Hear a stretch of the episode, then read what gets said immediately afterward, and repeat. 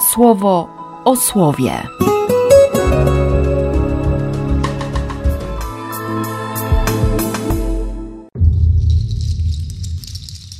13 sierpnia, piątek.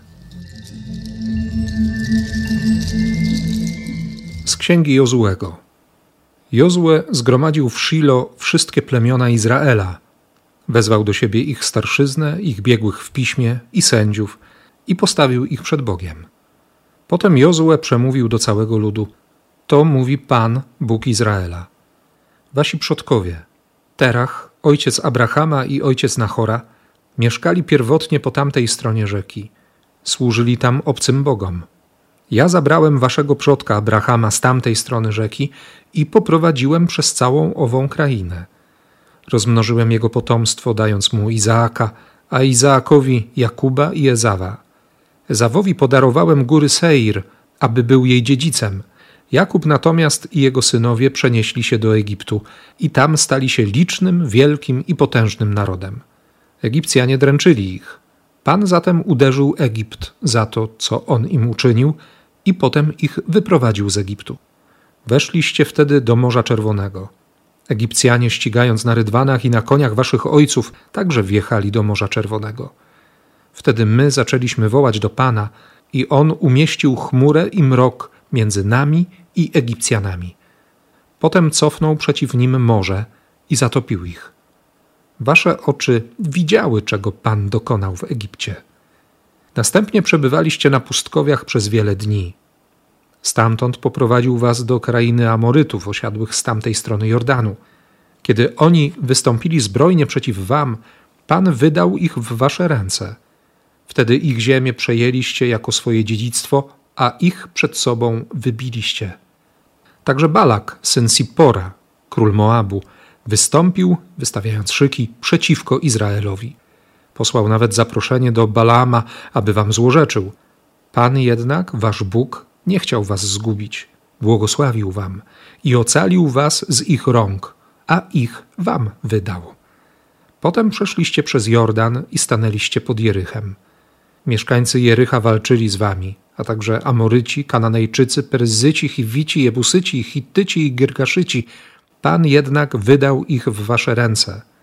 Posłał przed wami roje szerszeni i usunął ich sprzed was, dwunastu królów Amorytów, bez udziału twojego miecza i łuku.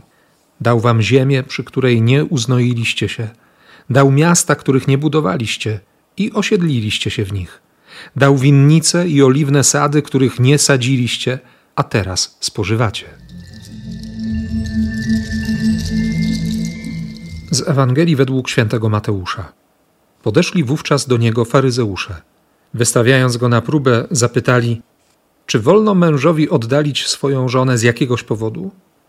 On w odpowiedzi zapytał: Czy nie czytaliście, że Stwórca od początku stworzył ich jako mężczyznę i kobietę? Powiedział też: Z tej racji opuści mężczyzna ojca i matkę i złączy się ze swoją żoną, i będą oboje jednym ciałem. Tak nie są już dwoje, lecz jedno ciało. Co zatem Bóg złączył, tego niech człowiek nie rozdziela. Zapytali go, dlaczego więc Mojżesz polecił dać dokument rozwodowy i oddalić ją?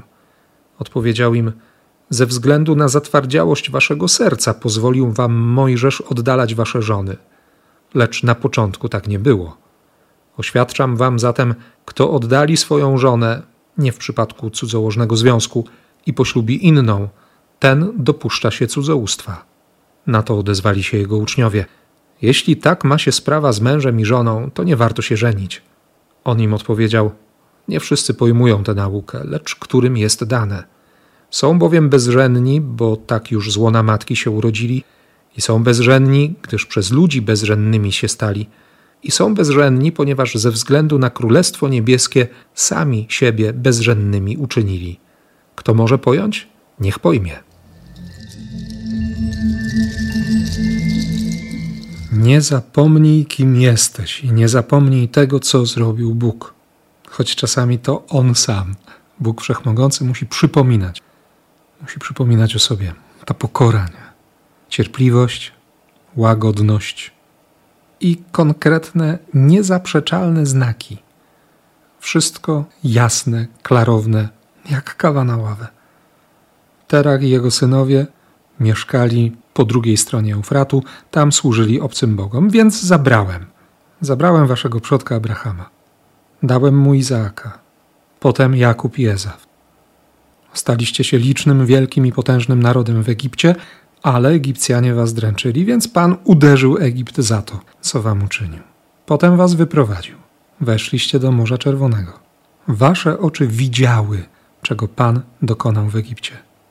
Potem Pan wprowadził was do krainy Amorytów, wydał ich w wasze ręce. Pan, wasz Bóg, nie chciał was zgubić, błogosławił wam i ocalił was. A ja się ciągle łapię na tym, że, że się rzucam, że nie tak, że, że powinno być inaczej, że, że, że.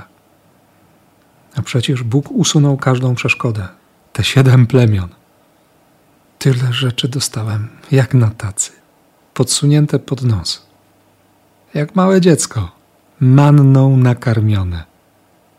Dziękuję dziś Bogu, że, że mi o tym przypomina, że ma taką cierpliwość, że mu się chce, że ciągle mu się chce patrzeć na mnie, kochać mnie.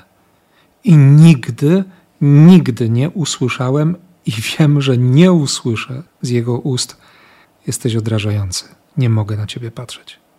Nie chcę mieć z tobą nic wspólnego. Nawet wtedy, kiedy ja nie potrafię na siebie patrzeć.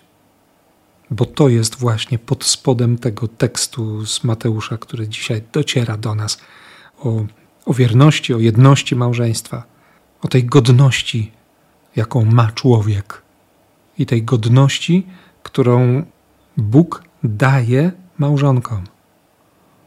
Tego akurat nie trzeba mówić, bo doskonale wiemy, i ty, i ja, że ten dokument rozwodowy, ten list rozwodowy, miał w swojej treści stwierdzenie: Jesteś odrażająca, nie chcę cię widzieć.